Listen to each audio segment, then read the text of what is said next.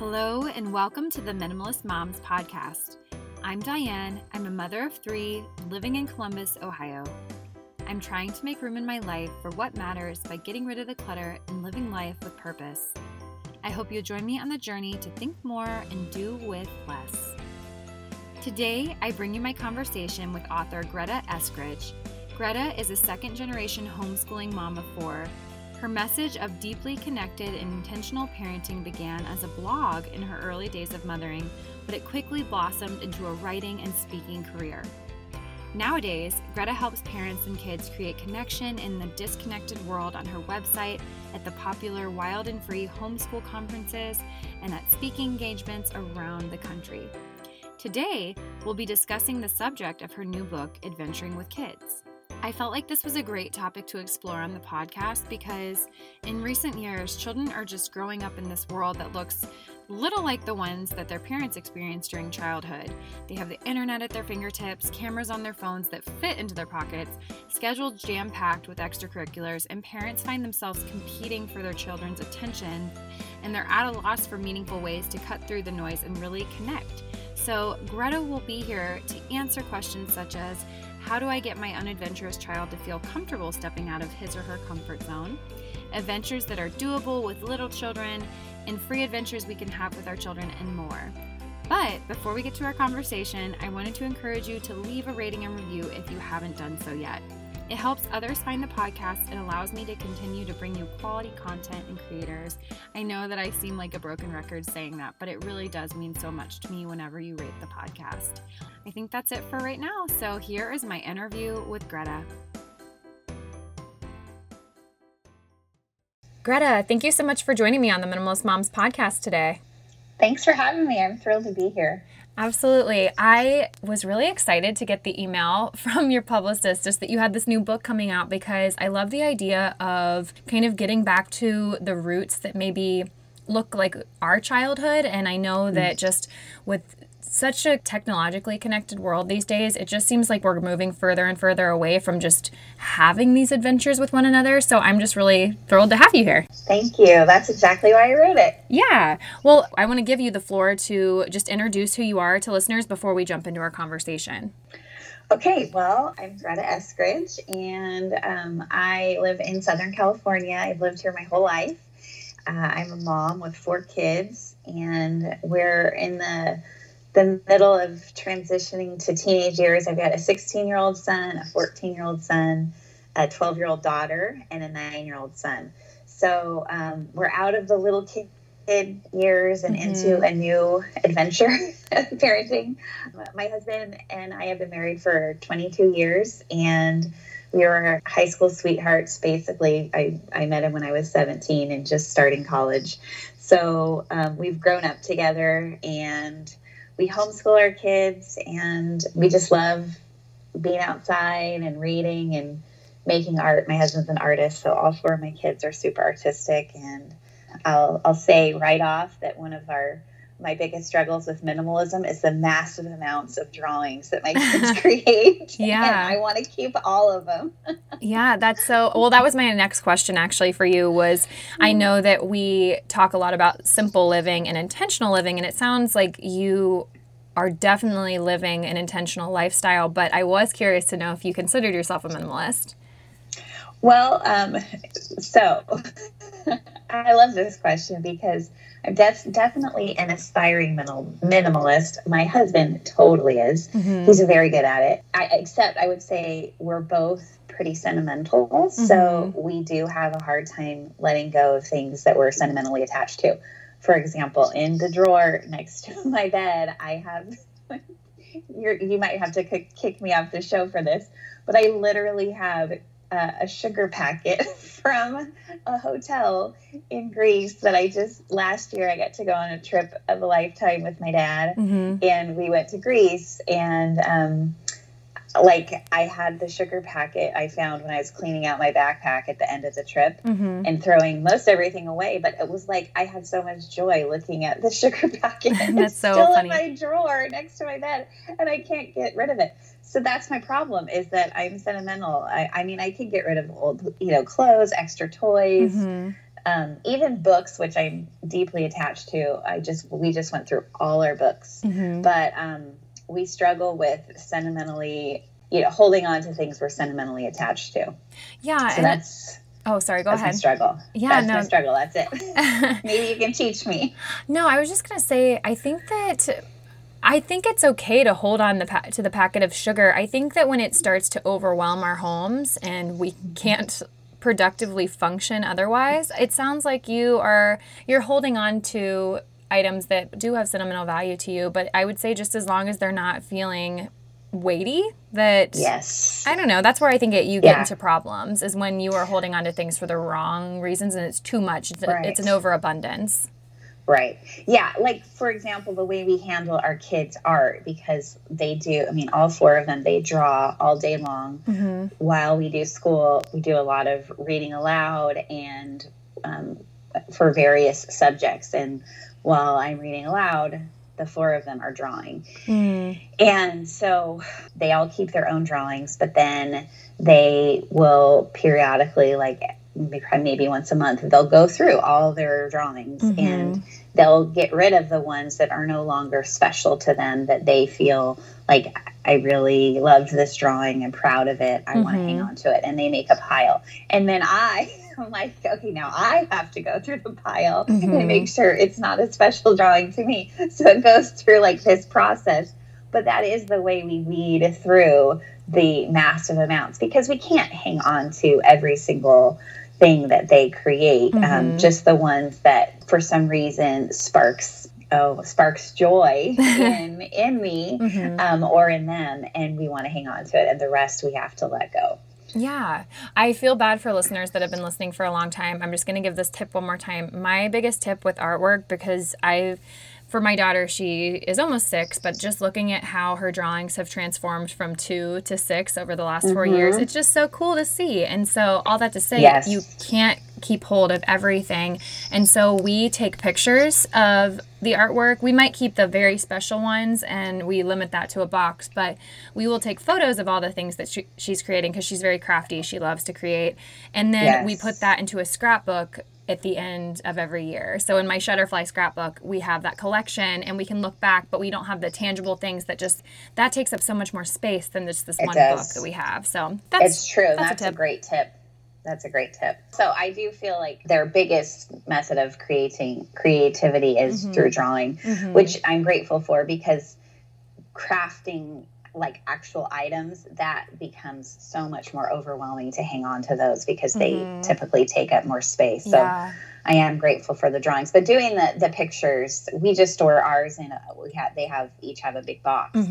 but um, for their drawings. But taking pictures and making them into a book, I love that. That's a great idea. Yeah, it, it's been nice, so we can look back, like I said, over the various years. But I'm curious to know you have this new book coming out. It's called Adventuring Together, and I think what, the subtitle is How to Create Connections and Make Lasting Memories with Your Kids. Correct? Yes, well okay. done with that.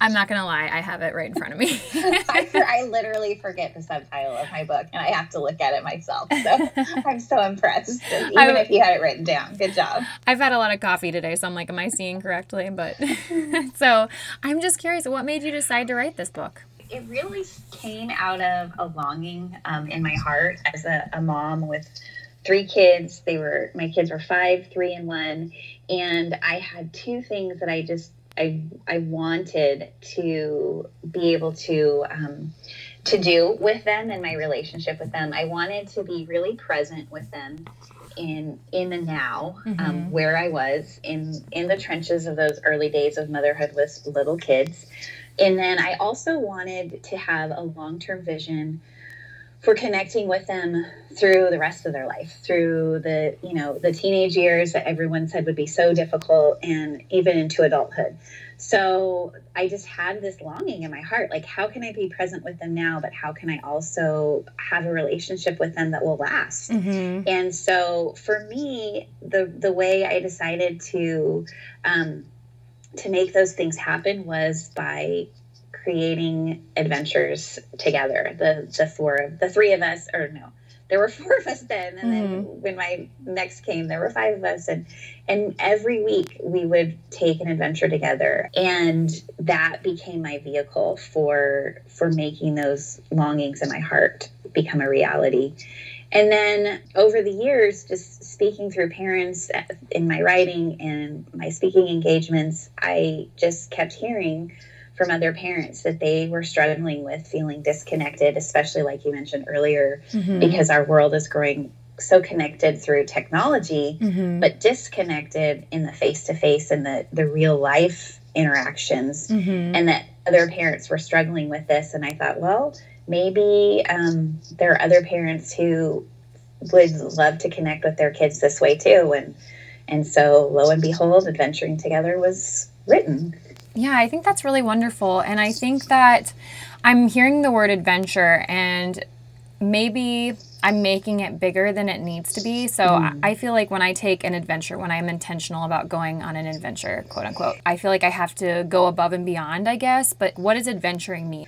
That's such a great question. And in fact, one of my chapters of my book that's one of my favorite chapters is is discussing this and kind of um, going along with the theme of of your your podcast actually is minimalist adventure still counts mm-hmm. um, and then it doesn't have to be grand and grandiose and over the top for it to be a worthwhile adventure and i think that our our society um, has gotten so over the top you know you you don't just get married and have a wedding like you have to have an incredible pre-engagement photo shoot and, mm-hmm. and just everything is more more more and mm-hmm. that includes adventuring and we look at like instagram accounts where you know they've taken their kids to iceland and you know rv'd down to south america and and we think well i can't compete with that like mm-hmm. I, my adventures don't count because they're not important enough they're not big enough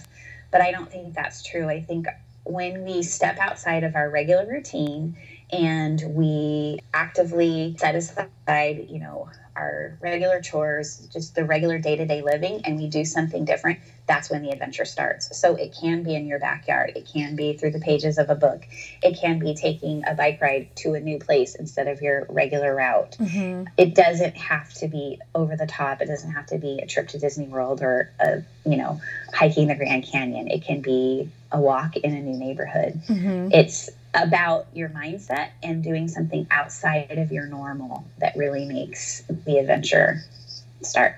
Yeah, no, that makes a lot of sense. I'm thinking now that we are in this COVID world, this lockdown mm-hmm. world, things are starting to reopen around the country, but we're definitely going to have somewhat of a different looking summer than is typical. So I guess I have two questions for you. And one is, outside of this, when the world gets somewhat back to normal, what adventures can we take with our children? And then, do you have suggestions for how we can take our kids on adventures when things are a little bit more locked down and we don't have the opportunity to necessarily go places? Yes. So I would say to answer that question 1st mm-hmm. um, what do we do in the now? Yeah. Um, I think you definitely have to be more creative and you have to you you might have to again choose something that feels like a more minimalist adventure mm-hmm. for example the other day my husband had to crawl under the house to do some work and one of my sons, who I would say is my most adventurous child and, and doesn't find the lockdown filling his soul at all. Yeah. he's really been struggling. And so my husband said, Hey, William, do you want to climb under the house with me? And, you know, to, to, even maybe in normal everyday life, you'd feel like, yeah, you know, that doesn't sound that great. But it was like, hey, something new, a new experience, a new place, even, mm-hmm. and crawling under the house with a headlamp and um, doing something totally different mm-hmm. was filling to his soul so even around your home like what new pockets pockets of your home can you explore where else can you go around your house what new activities can you do together i mean i know sourdough baking is all the rage and people are starting to rebel against it but mm-hmm. um, you might find that creating some kind of new experience in the kitchen every week, making, trying a meal from, you know, a different culture mm-hmm. or baking something together, a new, making a challenge out of it. So you do something new together every week. Mm-hmm. Like, the, the adventure doesn't have to be going somewhere. It can be doing something new. But mm-hmm. again, mm-hmm. being intentional about it, not just being like throwing your hands up in the air and like, oh, I'm just tired of this. I, I don't know what to do anymore. But saying, hey, um, we're reading this book together and it takes place in Bulgaria. What can we learn about Bulgaria? What food can we make from that country? Mm-hmm. And setting off on a journey together intentionally choosing to explore, even if it's through pages of a book or a recipe. Does yeah. that make sense? Yeah, absolutely. And I think that even outside of this lockdown period and as things are starting to reopen we'll talk about next summer. Just i think a lot of that can be carried over into next summer. I love the yes. idea of creating ethnic foods from a book that we're going through together. I think that's such a wonderful idea and it's i think that's an adventure but like i said it is. what other adventures i guess that could be free could we do when things are a little bit more available and accessible I, I mean, of course, outside adventures are tremendous, and mm-hmm. a lot of times they're free or maybe only require the gas that it takes to get there. Our family does a ton of hiking, and we love to explore new trails. So I am an avid researcher looking for for different hiking trails, nature centers, just anywhere where we can get outside in like a one hour radius of where mm-hmm. we live. And that's different for where everybody is. Some people have things a lot closer, but I live in Southern California and um, we have a lot of, of outdoor spaces, but they're a bit of a drive. So mm-hmm. for us, that might mean driving farther, but it's definitely worth it to get outside and hiking trails, the beach um, any bodies of water, like a lake, if you live near a lake or a river, even a creek, like mm-hmm. those are such great places for kids to adventure because they get to explore and just interact with the with the natural world mm-hmm. and that is just like to me that is a place that just screams adventure mm-hmm. um, i also think for um, another place to get to get access to new worlds and to explore different things is through museums. And of course, they're not open right now, but like you said, later on, um, taking our kids to all different kinds of museums is a wonderful way to adventure with them. And many of them have free days. I know all the free the free days for every museum mm-hmm. near near us, and we make a point of they're on the calendar and we know oh the natural history museum is free mm-hmm. this day of the month and this museum the space museum is free this day. Um, little museums don't discount them. They're often fantastic because this the the place is smaller, but the staff is so interested and dedicated, mm-hmm. and um, taking your kids to those as well and just keeping track of all the the free days. Even at zoos a lot of times they'll have free months. So mm-hmm doing some research and finding what places are um, free to the public when that's a great way to get your kids into all kinds of different spots but not having to pay a fortune to do so. Yeah, we have a lot of metro parks. I'm in Columbus, Ohio, and we have several metro parks around the city. And I know that a lot of them have really great nature centers. And like you said, the smaller mm-hmm. centers, they seem to be so much more hands on with you there and just the yes. things that you can do and just hear about. So I think that's a that's a great tip. I love that tip.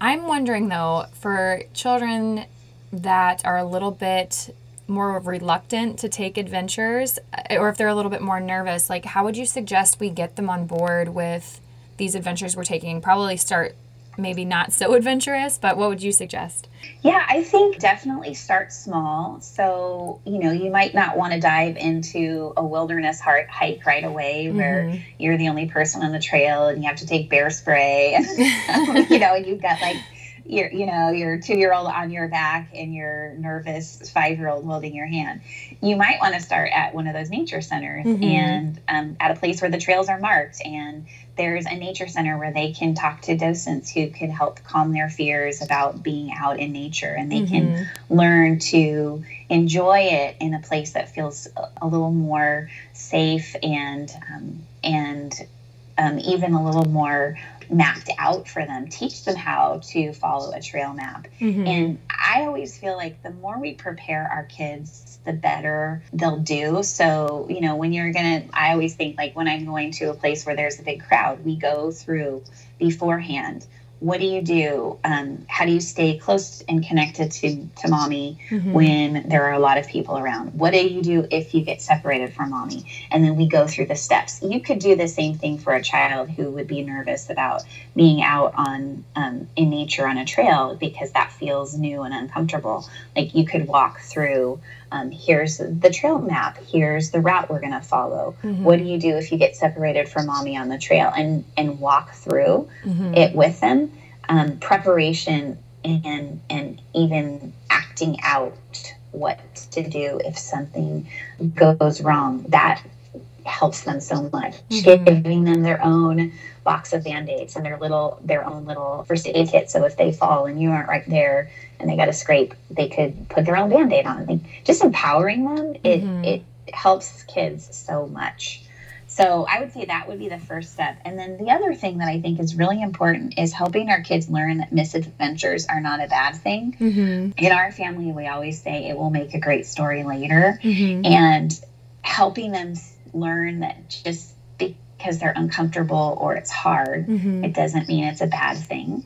Um, and that that even if everything goes wrong, they can still enjoy something. Mm-hmm. And the enjoyment might not even come till later when you're retelling the story and you're proud that you made it through or you can see the humor in it. Mm-hmm. But but helping them learn from a young age that that misadventure isn't bad but that's where we often grow the most mm-hmm. and where we connect and bond the most mm-hmm. that that's a great gift to give to your kids starting from a, as young as you can and then carrying it through for the rest of their life yeah absolutely i love the idea of really taking the time to make things less scary and really informing them. We did that the other day in regards to bugs. We were talking about bees. Yeah. And we there's just there are bees everywhere right now in Columbus. And so we were just telling our kids the bees don't actually want to go after you. They that they just want to be with the flowers. They want to pollinate. Like they do not want to attack you. And typically, I, I maybe I'm not a scientist. I don't know, but I'm pretty sure that they die if they sting you. Their little stinger falls out. And so I was like, that would actually go against what they want to do. So if you can just stay calm and try and move away slowly, like they're not trying to attack you. So I think just informing kids and making things less scary in that way, you're right. Like it makes it it builds momentum for them to take bigger adventures and when they I don't know, maybe that's just like a questioning personality once they have answers, they're more likely to, but I just think yeah. making things less scary is so helpful. Yeah, it really does. It, it, because it gives them power. And mm-hmm. you're a little kid and or an adult and you're facing a new um, situation, having information and having some tools to deal with the new things to mm-hmm. be prepared, it, it helps us feel like we have a sense of power in the situation, we have a sense of control, mm-hmm. and that's really helpful. Yeah, absolutely.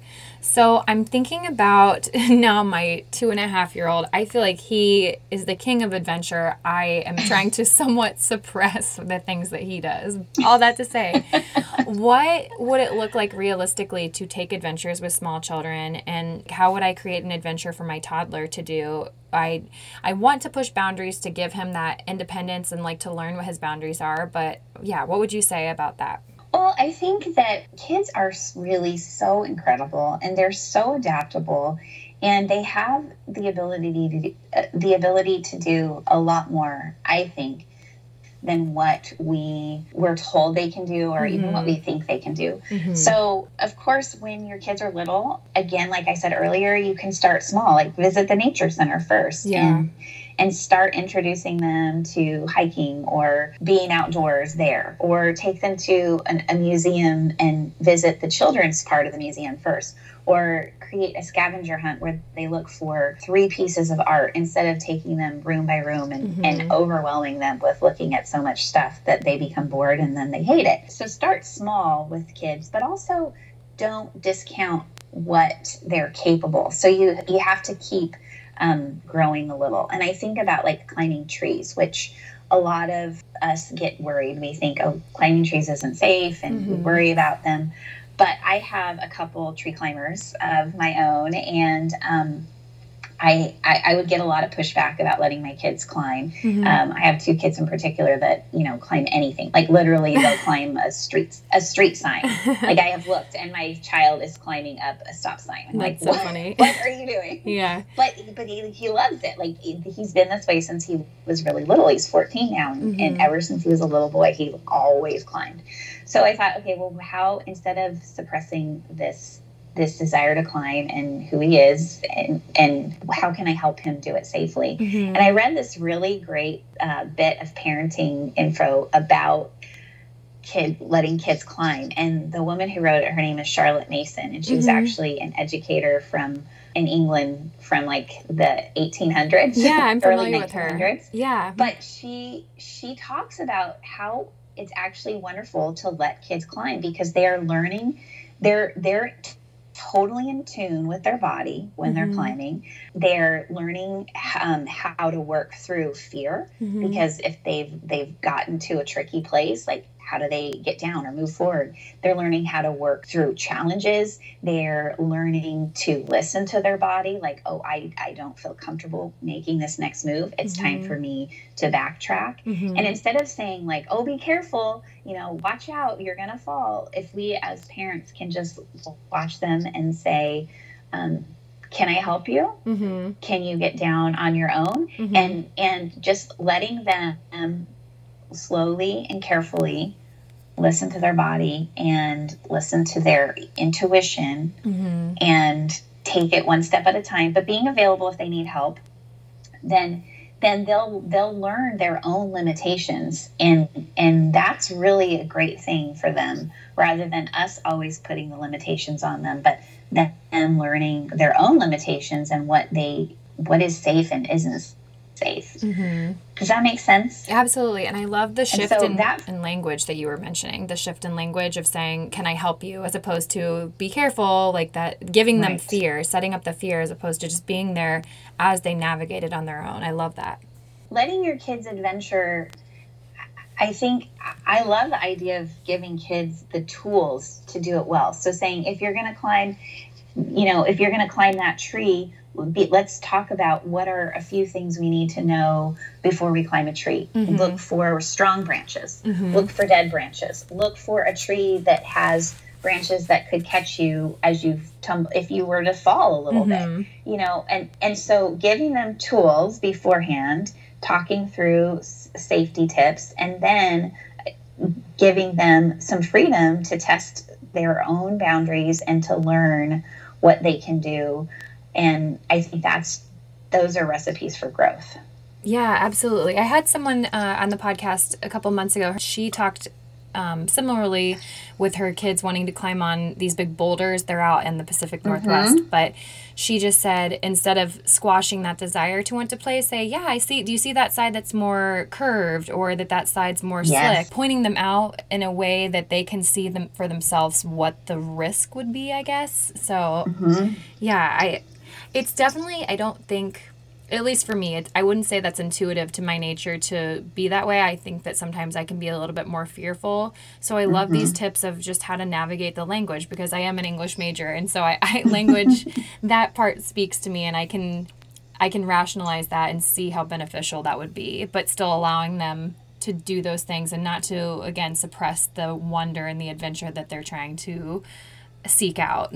So right and as kids your as your kids get older the the younger ones just naturally mhm. they naturally follow in their older Yeah. siblings footsteps so i think it becomes easier and easier with the with the younger kids in the family because they have to keep up for one thing because Mhm. you're you know you're chasing after the big ones but they also want to keep up so they're like naturally seeking adventure Mhm. because they want to keep up with their older brothers and sisters hmm No, absolutely. I can definitely see that. I'm worried for my uh, seven month old. I'm just like, oh no, what are you going to get into?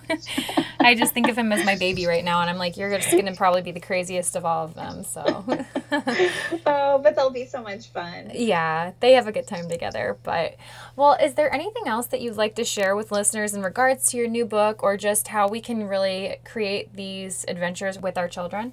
I think I would just remind parents that, again, it's not the adventure itself that is the focus that's just the vehicle to connecting with your kids mm-hmm. and um, that that's what we want for for the now and for the long term and that you know if your kids are small and you think well how can i you know have this bond with them when they're teenagers mm-hmm. that that if you start now and you're building connections and intentionally being with them that that's the environment you've set up that mm-hmm. that can last. Mm-hmm. And if your kids are older already, then you can start where you're at. Mm-hmm. It's never too late to build connections. And um, this is just a way to do it that I think lights up both parents and kids. Mm-hmm. And we all want to be, um, you know, we all want to feel that, mm-hmm. not just like, oh, I have to go to this event with my kid so I can connect with my kid. No, it should be something that lights up mm-hmm. all of us as we create connections because that's what that's what we're really longing for.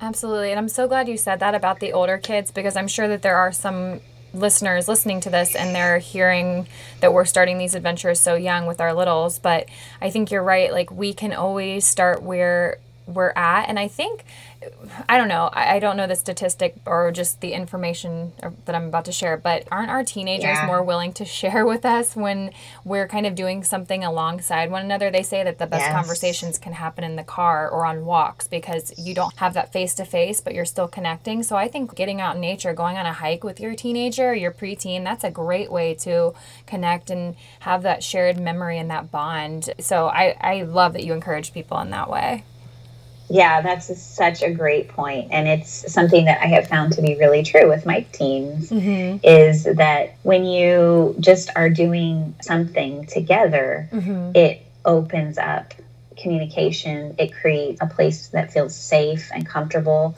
so that they are more willing mm-hmm. to just to just talk to you and just to be with you, which is mm-hmm. something that is so valuable. Absolutely.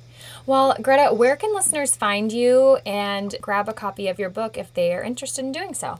Well, the place where I'm most active is on Instagram, and my Instagram handle is Ma and Pa Modern, or you can just type in Greta Eskridge and that will come up too. I also write on my website, and you can find me at gretaeskridge.com. And my book is available for pre order on Amazon. It's, if you um, just look for Adventuring Together by Greta Eskridge, you'll find it, and it will be released July 12th. So if you pre order it, there's some great pre order offers, and then the book will be sent to you in July, and you can get started reading.